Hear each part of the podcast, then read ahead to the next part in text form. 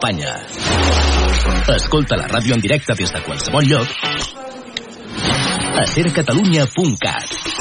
Som a tot arreu. Som a tot arreu. Som al teu costat. sercatalunya.cat. sercatalunya.cat. Si no et vols perdre res, Nada de nada. pots escoltar Ser Catalunya 24 hores al dia Sí, hombre. o seguir-nos a TikTok. Ah, bueno, eso sí, eso sí. Arroba Ser Catalunya. Tot el que passa a la ràdio t'ho resumim i t'ho ampliem a les nostres xarxes socials. Segueix el perfil de Ser Catalunya arroba Ser Catalunya i no et perdis res.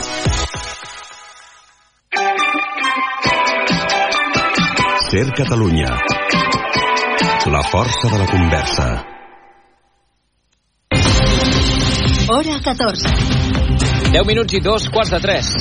Sergi Cavaller.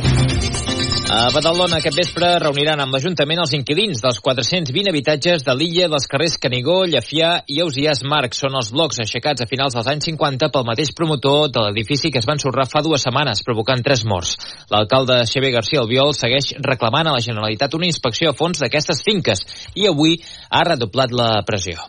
El que li estem demanant sobretot és que duï a terme el que és una competència mm, que té la Generalitat de Catalunya que és la inspecció d'aquests eh, blocs de vivendes. Una de les hipòtesis sobre l'esfondrament del número 9 del carrer Canigó és que tenien deficiències en els forjats.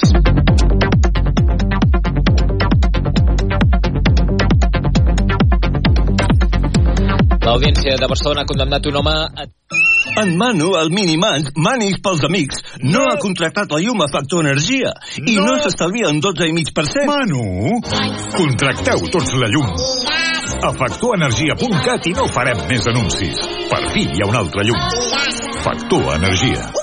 Empresa col·laboradora amb la Barcelona Equestrian Challenge. Hora 14. Catalunya Central. Eli Pagant.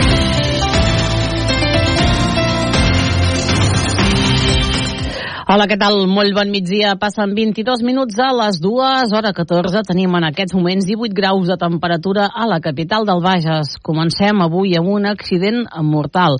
Els fets van passar ahir a la tarda a Sallent amb aquest accident mortal.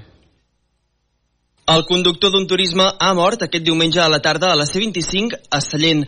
Es tracta d'un veí d'Artés de 77 anys d'edat. Els fets van passar aquest diumenge a la tarda al punt quilomètric 143 de la C25 a l'eix transversal al terme municipal de Sallent. L'avís va donar-se a les 5 de la tarda i 21 minuts. Segons ha informat el Servei Català de Trànsit, un remolc ha perdut una roda que ha acabat impactant contra un cotxe que circulava en sentit contrari. A conseqüència del xoc, ha mort el conductor d'aquest turisme. Els serveis d'emergències han rebut l'avís de l'accident a les 17.21 hores i han mobilitzat sis patrulles dels Mossos d'Esquadra, tres dotacions dels bombers i dues ambulàncies i un helicòpter del sistema d'emergències mèdiques. La incidència al punt quilomètric 143 ha provocat retencions cap a Manresa. Aquesta és la 17a víctima mortal en accident de trànsit enguany a la xarxa viària interurbana de Catalunya.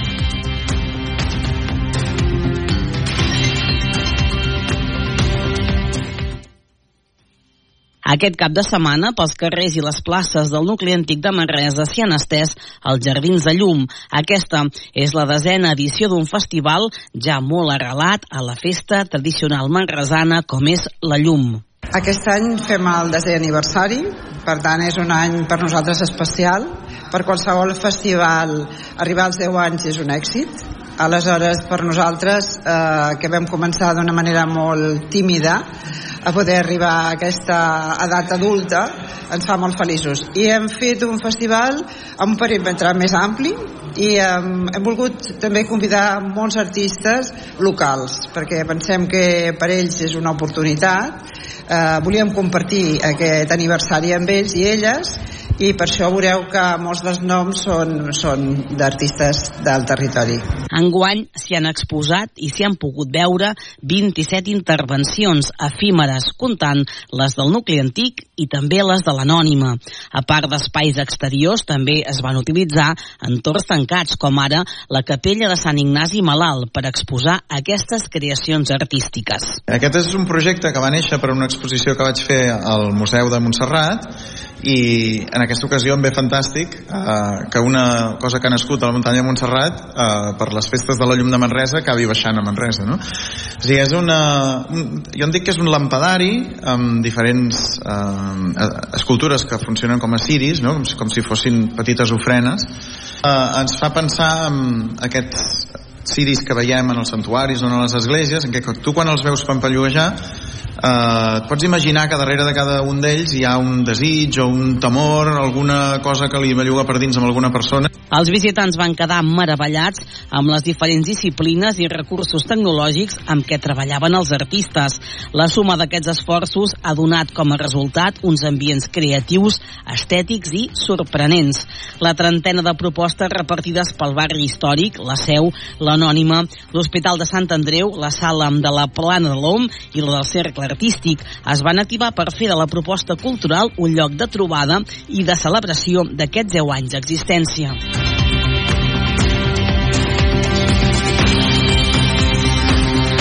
El Museu de l'Aigua i el Tèxtil va ser el lloc escollit per la presentació del nou llibre de l'historiador manresà Francesc Comas titulat Transèquia, on l'aigua és camí i salut. 40 anys d'història. Aquest any són 40 edicions i va semblar interessant doncs, recollir una mica la història d'aquest acte, podríem dir, tan multitudinari com és eh, els primers de març, com dissabte, doncs, ai, perdó, un diumenge, eh, 5.000, 6.000 persones es posin a caminar o es posin a darrere una bicicleta i segueixen el trajecte de la sèquia d'aquest canal que van construir els manresans al segle XIV i recordem doncs tota aquesta construcció. La publicació d'aquest llibre vol commemorar els 40 anys d'aniversari de la Transèquia, la festa tradicional esportiva que consisteix en resseguir la sèquia, travessant els pobles i territoris entre Balsareny i Manresa, ja sigui a peu, corrent, en BTT i en handbike el que s'hi recullen doncs, són bàsicament són l'organització, com ha anat evolucionant, les modalitats que hi ha hagut, anècdotes, el, els quatre puntals que serien d'una banda els organitzadors, els voluntaris, els patrocinadors i col·laboradors i després, doncs, sobretot la gent, no?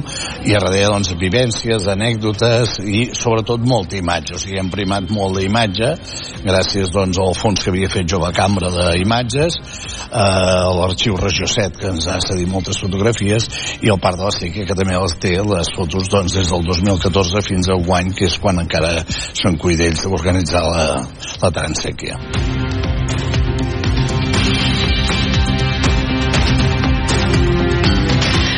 Divendres van serrar, es van sorrar un dels murs del nou edifici de la seu de la Generalitat a Manresa. Una paret adjacent a la Torre dels Procuradors de Manresa, que forma part dels antics jutjats, va cedir aquest divendres al migdia. Des de fa un mes, els operaris ja estan fent un enderroc manual amb l'objectiu de després construir-hi el nou edifici de la Generalitat a la Catalunya Central. Els bombers han confirmat que el col·lapse de la paret no ha causat danys personals. Al lloc s'hi han desplaçat set unitats dels bombers per inspeccionar i per fer una primera valoració de l'afectació.